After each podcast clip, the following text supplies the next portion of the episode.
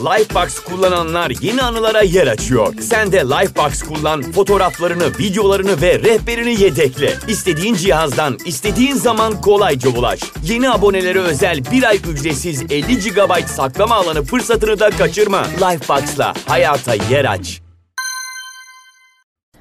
Merhabalar, ortamlarda satılacak bilgiye hoş geldiniz. Ben Merve. Bugün size aşkın ve ölümün destanı, Gılgamış destanından bahsedeceğim.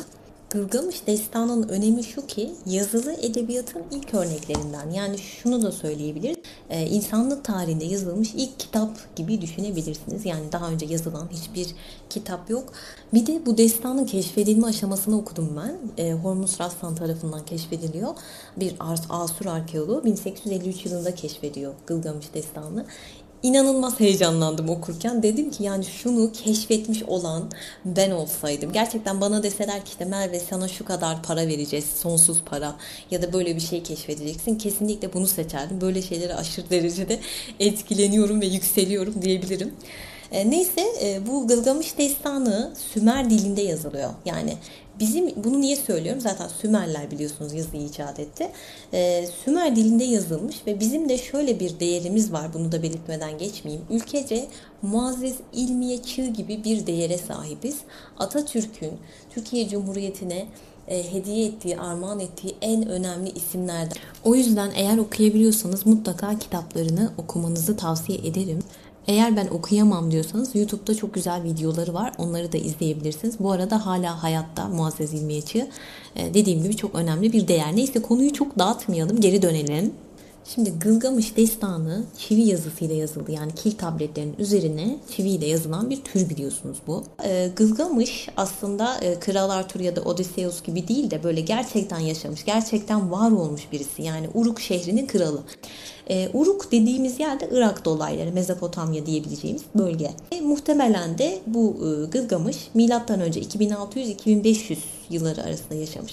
Ve bunun önemi şu, neden Gılgamış destanı seçtim size anlatmak için? Çünkü bu destan o kadar önemli bir destan ki eski ahiti etkiliyor. Hem de Yunan mitolojisini etkiliyor. Yani bu kadar önemli. Örneğin işte Nuh'un gemisini anlatacağım birazdan size. Çok net bir şekilde tam detaylarıyla Nuh'un gemisi anlatılmış Gılgamış destanında. Ve İncil de bu hikayeyi tamam, tamamen Gılgamış destanından copy paste etmiş diyebiliriz. E, tabii ki de Kur'an-ı Kerim'de de var. Tevrat'ta da var. Yunan mitolojisinde de var. Yunan mitolojisinde de işte e, Dekalyon miti, Dekalyon miti ve Pira miti. E, hikayenin özüne bakalım. İlk baştan başlayalım sona doğru gidelim. Bu aslında bir aşk ve ölüm hikayesi diyebiliriz. Yani Gılgamış ve onun alter egosu Enkidu. Burada çok derin bir dostluk var. İki erkeğin derin dostluğu. Ee, aslında bu kitabı okuyunca insani duyguların önce 18. yüzyıldan günümüze dek hiç değişmediğini göreceksiniz. Ve ölüm karşısında duyulan e, o acziyet, o çaresizlik ve acının hep aynı olduğunu gösteriyor Gılgamış destanı bize. Ve bir ölümsüzlüğü arayış, e, uzun uzun yollardan geçen bir kahramanı göreceksiniz. Bu arada şimdi destana geçeceğim. E, böyle kısaca bir özet geçtim. Çok uzun bir podcast olacak büyük ihtimalle. Bu destanda çok sevdiğim sözler var. Hemen onlarla açılış yapalım. Sonra da devam edelim. Diyor ki Gılgamış destanında aradığın hayatı hiçbir zaman bulamayacaksın diyor. Söze bakın. Bir de yine altını çizdiklerimden hem yaşamı verdi biz insanlara hem de ölümü ama ölümün zamanını vermedi diye bir yeri çizmişim çok güzel. Şimdi destanla ilgili kısa bir özet geçeceğim. Daha sonra çok derinlere ineceğiz beraber. Böyle açacağım da açacağım yani. O yüzden podcast uzun sürecektir büyük ihtimalle. Şimdi e, Gılgamış'ın hikayesinde aslında her şey iyi değil. Neden? E, Gılgamış bir kral, hükümdar. Ve çok dediğim dedik, çok hakkaniyetsiz, dizginlenmesi gereken bir adam. Ve tanrılar onu denetlemek için tıpkı bu Olimpos'taki tanrılar gibi düşünün. Kırlarda dolaşan bir baş belası yaratıyorlar. Bunun için yani Gılgamış dizginlensin diye. İşte bu baş belası Enkidu ismi. Enkidu çok tuhaf bir yaratık. Yani diğer insanlarla ilişki kurmak istemiyor. Genelde hayvanlarla dostluk etmeyi yeğliyor. Aslında bir insan ama maymunumsu bir insan. Konuşmuyor. E, su içmek istediği zaman gölden içiyor avucuyla falan. Çok ilkel, medeniyetsiz. Yaban yani yaban bir şey insan.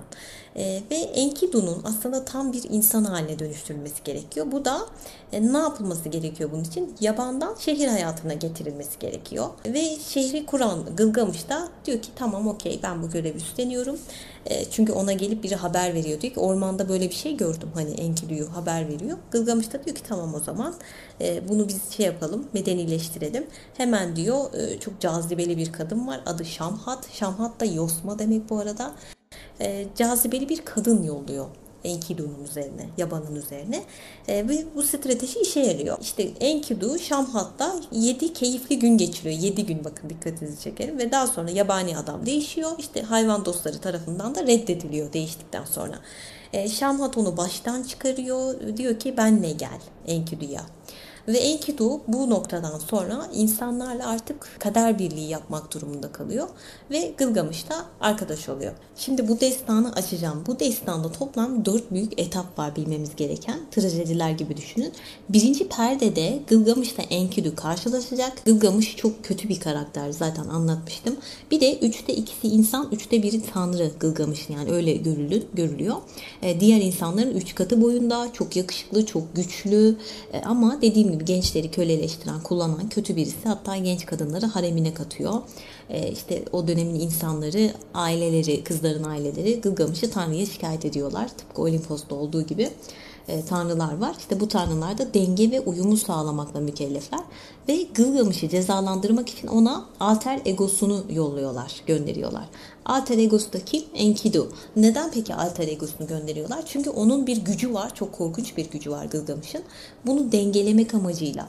Ve bu alter ego Enkidu tamamen Gılgamış'a benziyor. Nasıl benziyor? İşte aynı büyüklükteler, aynı güçteler. Ee, tabii ki buradan bir sorun çıkacak bu aynı güçte olmalarından dolayı. Ama şöyle bir durum var. Enkidu'nun anne babası olmadığı için Enkidu iyi yetiştirilememiş. Ne olacak? Bu iki güç tabii ki de aynı güçte oldukları için başlangıçta bir çarpışma meydana gelecek. İkisi de kazanamayacak çünkü aynı güçteler. Dövüş bittiği zaman çok yorulacaklar ve e, bu dövüşün sonunda da dünyanın en iyi arkadaşı oluyor ikisi. E, hatta o kadar iyiler ki bu artık aşka varan çok ileri boyutta bir dostluk. Yani eşcinsel bir hikayede diyebiliriz bunun için. Gelelim ikinci perdeye, ikinci kırılma noktasına. E, birinci dediğim gibi karşılaşmalarıydı. İkinci olay Gılgamış destanıyla bilmemiz gereken ikinci olay Şan ve şöhret için Gılgamış ve Enkidu birlikte yola çıkıyorlar. Aslında fikirleri şu şana ve şöhrete sahip olarak e, canavarlarla savaşıyorlar tabii ki bu aşamada. Çok büyük zaferlerden geçiyorlar. İşte korkunç doğaüstü canavarlar ve canavarları yeniyorlar. Peki ellerine ne geçiyor ikinci perdede?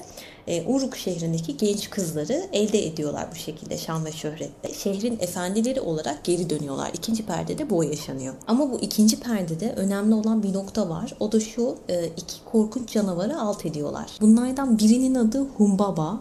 Sedir ağacı ormanının koruyucusu Humbaba canavarı. Bu orman aslında Lübnan sedir ormanı. Yani sedir ağacı ormanı koruyor zaten ve Mezopotamya gibi bir yerde. Çöl çünkü oralar. E, sedirden elde edilen ahşap altından hatta paradan bile daha kıymetli. Ev yapımı, gemi yapımı için bu sedir ağacından faydalanılıyor. Yani Humbaba'nın önemi bu. Neyse Humbaba'yı öldürmeyi başarıyorlar Gılgamış ve Enkidu. Peki sonra ne oluyor? E, Afrodit'in muadili olan bir tanrıça var. İştar. Zaten duymuşsunuzdur. E, İştar bu iki adamın şanını duyuyor ve Gılgamış'a aşık oluyor. Ve onu hatta yatağına almak istiyor. Ama şöyle bir problem var. İştar'ın bir babası var. Anu adında bir babası var. Anunnakileri zaten duymuşsunuzdur. Yer altının çok güçlü, çok korkunç bir tanrısı Anu.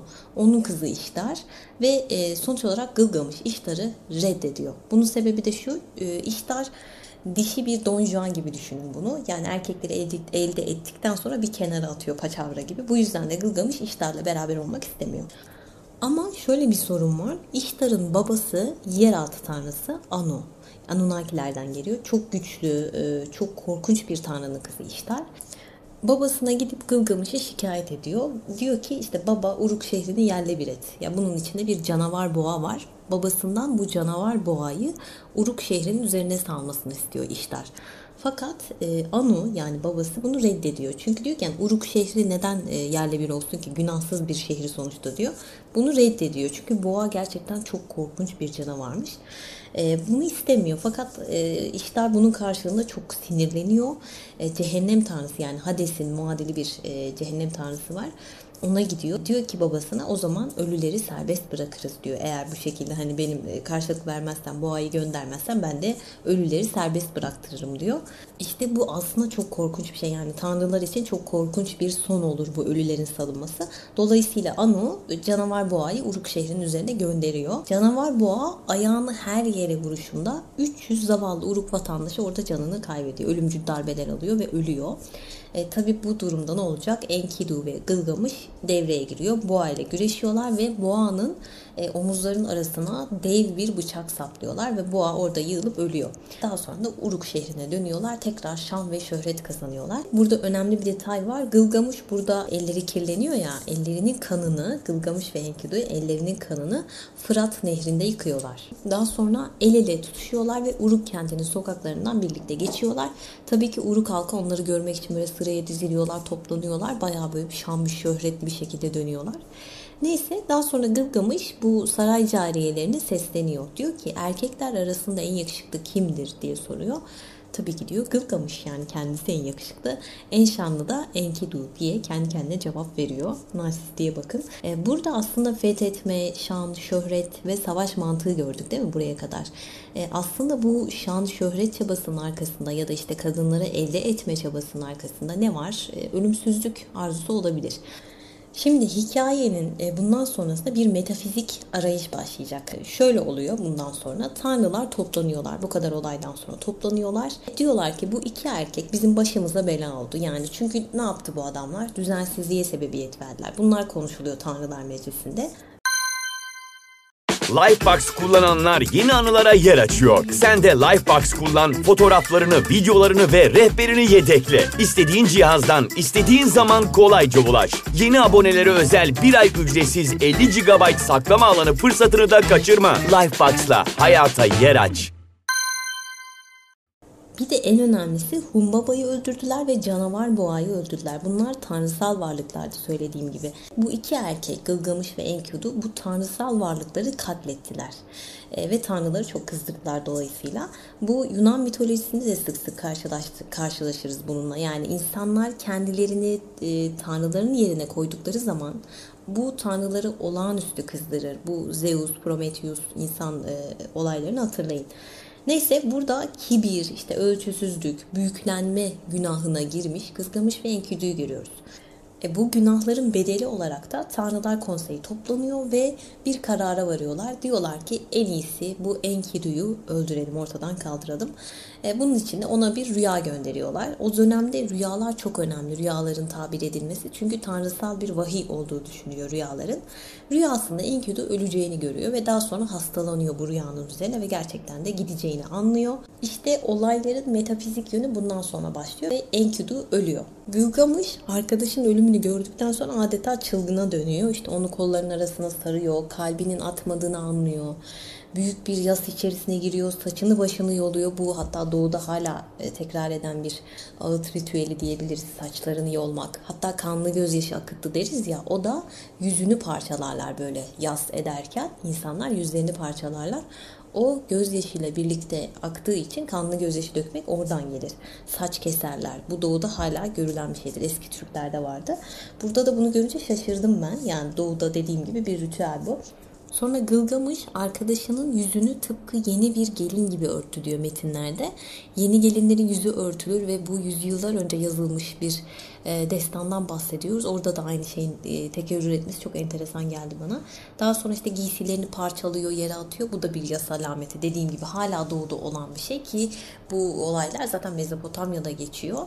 Bundan sonra Gılgamış Enkidu'yu kollarının arasına alıyor ve bir hafta ölü arkadaşını kollarında tutuyor. Ama bir hafta sonra Enkidu'nun burnundan kurtlar çıkmaya başlayınca onun öldüğünü anlıyor Gılgamış ve o şokun etkisiyle bir anda diyor ki ben de mi öleceğim yani aman tanrım ben de mi öleceğim. Bir anda bir ölüm korkusu sarıyor Gılgamış'a. İşte metafizik olaylar bundan sonra başlıyor dediğim gibi. Gılgamış ölümsüzlüğün e, formülünü aramak için yola çıkıyor yani ölümsüzlük peşine düşüyor. E, burada aslında şu var artık şan, şöhret, aşk bunlar bitiyor değil mi? Çünkü ölümün olduğu yerde bunların bir önemi yok. Daha sonra Gılgamış kral olduğu Uruk şehrine doğru yola çıkıyor ve orada şöyle bir şeyle karşılaşıyor. Uzun zamandır kulaktan kulağa e, dolanan bir efsane var. Tufan efsanesi yani Nuh tufan efsanesi. Bu efsaneyi yaşlı kadınlar anlatıyor genelde. Onlar da diyorlar ki biz de işte atalarımızdan, dedelerimizden duyduk diyorlar bu tufan hikayesini. Şimdi bu tufan hikayesi Nuh'un gemisi diye bildiğimiz hikayenin aslında öncül yani öncül miti diyebiliriz. Hatta bunun öncesinde de e, Pira ve Dekalyon mitinin de öncüsü diyebiliriz hatta bunun için. Burada şöyle bir olay oluyor. Şimdi tanrılar insanların kötü davranışlarından bıkıyor. Bu hikayeye göre anlatıyorum. Tufan efsanesini anlatıyorum size. Gılgamış'ın duyduğu efsaneyi. Bir konsey toplanıyor yine ve diyorlar ki bu konsey tüm insanlığı yok edelim. Tanrılar buna karar veriyorlar ve bir tufan koparıyorlar. Yağmur yoluyla bir tufan gönderiyorlar. Diyorlar ki yalnızca dürüst bir çift var bunu kurtaracağız. İşte bu dürüst çiftin adı da Nuh değil, Nuh ve karısı değil, Utna Piştim ve karısı. Utna Piştim yani namı değer Nuh yani Nuh'un muadili. Hani demiştim ya İhtar'ın muadili Afrodit. E, Afrodit'in muadili İhtar. Burada da Nuh'un muadili var. Nuh'un muadili Utnapishtim ya da Dekalyo. E, tanrılar tarafından kurtarılıyor Utnapishtim. Bir gemi yapması isteniyor ve gemiye bütün hayvanları işte hayvan çiftleriyle beraber alması isteniyor. Daha sonra işte insanlık yok oluyor ve geriye sadece gemide Utnapishtim ve karısı ve hatta hayvanlar kalıyor. Şimdi bu hikayeyi biraz açmak istiyorum. Nuh tufanı diye bildiğiniz bu hikayeyi biraz genişletelim. Şimdi buraya kadar olan şey zaten aynı. Yani Utna Piştin ve karısı var. Bunlar büyük tufandan sağ kalan tek insanlar. Ama esas olay şu, şimdi tufan kopuyor, daha sonra yağmur diniyor ve gemi bir dağa iniyor arkadaşlar. Daha sonra Utna Piştin bir kumru salıyor. Kumru diyorum. Ee, kutsal kitaplarda güvercin olarak geçer. Kumru geri dönüyor. Sonra başka bir kuş gönderiyor. Bir kırlangıç gönderiyor. O da geri dönüyor. Daha sonra bir kuzgun gönderiyor. Kuzgun gagasına bir dal parçasıyla geri dönüyor. E, ve e, Piştim diyor ki okey bir yerlerde bir kara parçası var. Tamam emin olduk diyor. Bu anlattıklarım hepsi zaten Yahudi İncil'inde de geçiyor bu tufan hikayesi. Yani hatta Ninova'da bulunmuş bir tablet var. Birebir bunlar yazıyor arkadaşlar. E peki bunlar çıkınca ne oluyor? Yani bu kadar olay patladı, Ninova'daki tablet bulundu. O dönem hatta Victoria dönemi İngiltere'sinde biliyorsunuz çok sıkı böyle ahlaki, dini katı kurallar vardı. Onlar bile bu İncil'deki tufan hikayesinin bu Gılgamış destanından copy paste edildiğini gördükten sonra dediler ki okey tamam kabul etmek zorunda kaldılar. Bu çok önemli bir detay. Fakat Gılgamış destanının aslında ana e, temasını oluşturan o ölümsüzlük arayışı burada devreye giriyor. Yani bir fark var. Nuh'la Utnapiştim arasında bir fark var. O da şu. Tanrılar Utnapiştim'e ölümsüzlük veriyorlar. Ama Nuh'ta böyle bir şey yoktu. Sadece Nuh'un çok uzun süreler yaşadığını biliyoruz. Ve sonuç olarak Gılgamış Utnapiştim'e ulaşıyor. Yanında karısı da var Utnapiştim'in. Çok yorgun, çok bitkin bir şekilde hatta yaşlanmış, çok genç ve yakışıklıydı ya Gılgamış. Bu yolculuk onu çok fazla yıpratıyor. Ve Utnapiştim'e soruyor. Diyor ki e, ölümsüzlüğün formülü ne? O da diyor ki kardeş diyor ölümsüzlüğün bir sırrı yok. Düşünsenize o kadar yoldan geçiyorsunuz ve e, sonuç olarak size verilen cevap bu. Ha, o kadar yoldan geçiyorsun derken adam yolda akrep adamlarla mı karşılaşmıyor? Korkunç tünellerden mi geçmiyor? Ölüm denizi diye bir deniz var oradan geçiyor ki bu ölüm denizine böyle parmağınızın ucunu dahi soksanız ölüyorsunuz öyle bir deniz. Sonuç olarak Gılgamış e, bu cevabı alıyor ve yıkılıyor haliyle. Diyor ki tamam okey ben artık evime döneyim. Çünkü Utnapiştim diyor ki yani ölümsüzlük payesi bir tek bana verildi bu yeryüzüne. Sadece bana verildi. Başka da kimseyi vermeyi düşünmüyor tanrılar diyor. Üzgünüm diyor. Gılgamış diyor ki tamam ben evime döneyim madem ne yapayım diyor. Tam gidecek işte Utnapiştim'in karısı e, acıyor Gılgamış'a. Bari diyor ben şuna bir yolluk yapayım. Yolluk da şu gençlik otu diye bir ot varmış. Yani bu ottan veriyor. Bu otu içtiğiniz zaman böyle işte bir anda gençleşiyorsunuz. Gençliğiniz geri geliyor falan. Valla böyle bir ot çıksa bütün servetimi bağışlarım herhalde. Daha sonra Gılgamış Ur'a geri dönüyor. Bu gençlik otunu alıyor ve geri dönüyor. Ama yolda bir yılan tarafından bu ot çalınıyor. Gençlik otu çalınıyor yılan tarafından.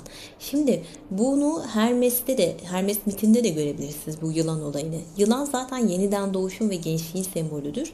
E, çok deri değiştirdiği için hatta o dönemde de bu deri değiştirme olayından dolayı yılanın böyle ikinci bir gençlik yaşadığını falan düşünüyorlarmış. Gördüğünüz gibi bu Hermes hikayesinde de, e, Hermes mitinde de bunu görüyorsunuz. Yine bir copy paste'lik var. Neyse Gılgamış e, eve eli boş bir şekilde dönüyor. Ne gençlik otu var elinde ne ölümsüzlüğün formülünü buymuş. Böyle çıkıyor Uruk şehrinin tepesine şöyle bakıyor çünkü oranın kralı. Şehri şöyle bir inceliyor ve diyor ki tamam ya ben bu yazgımı kabul etmek zorundayım ve destan bu şekilde bitiyor. E, şimdi bu destan e, böyle bitiyor ama çok sanat filmi gibi bitti değil mi? Yani adam şehre bakıyor ve diyor ki okey ölümsüzlüğü kabul ediyorum falan diye. E, ama tekrar söyleyeyim şimdi bu destan 35 e, yüzyıl önce yazılmış bir destan yani felsefi bir metin. Buradan çıkarım yaparsak eğer e, sanat filmi gibi bitti diyorum dalga geçiyorum ama aslında burada çok derin bir mevzu var e, ölümlü ölümlü olmayı kabul edebilmek. Buradan çıkarım yapma, yapmamız gereken şey. Ve e, hikayenin sonunda kimse gelip Gılgamış'a şunu demiyor.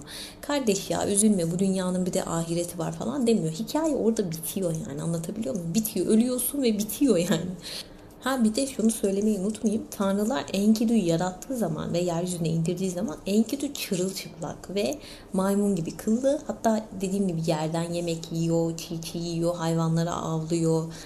Yani tam bir homo sapiens görüntüsü çizerken hani Gılgamış diyor ya ben bunu medenileştireyim ve yanına bir fahişe gönderiyor. E, bunun adı da Yosma bu fahişenin adı. Bu fahişe onu medenileştiriyor, insanlaştırıyor yani. Daha sonra e, Enkidu bu rüyayı gördükten sonra öleceğini anlıyor bunu söylemeyi unutmayayım. Bu düşten sonra Enkidu Tanrı'ya isyan ediyor. Tanrılara isyan ediyor. Ölmek istemiyor, kabul edemiyor. Ve bir anda diyor ki ben bu Yosman'ın yüzünden, bu fahişenin yüzünden bu hale geldim. Lanetliyor onu yani. Eğer diyor bu kadınla karşılaşmasaydım ben medeni olamazdım ve insana dönüşemezdim. Ve bu sebepten dolayı da ölmeyecektim diyor. Ben bu kadının yüzünden ölüyorum diyor. Ve bu Yosma'ya lanetler okuyor.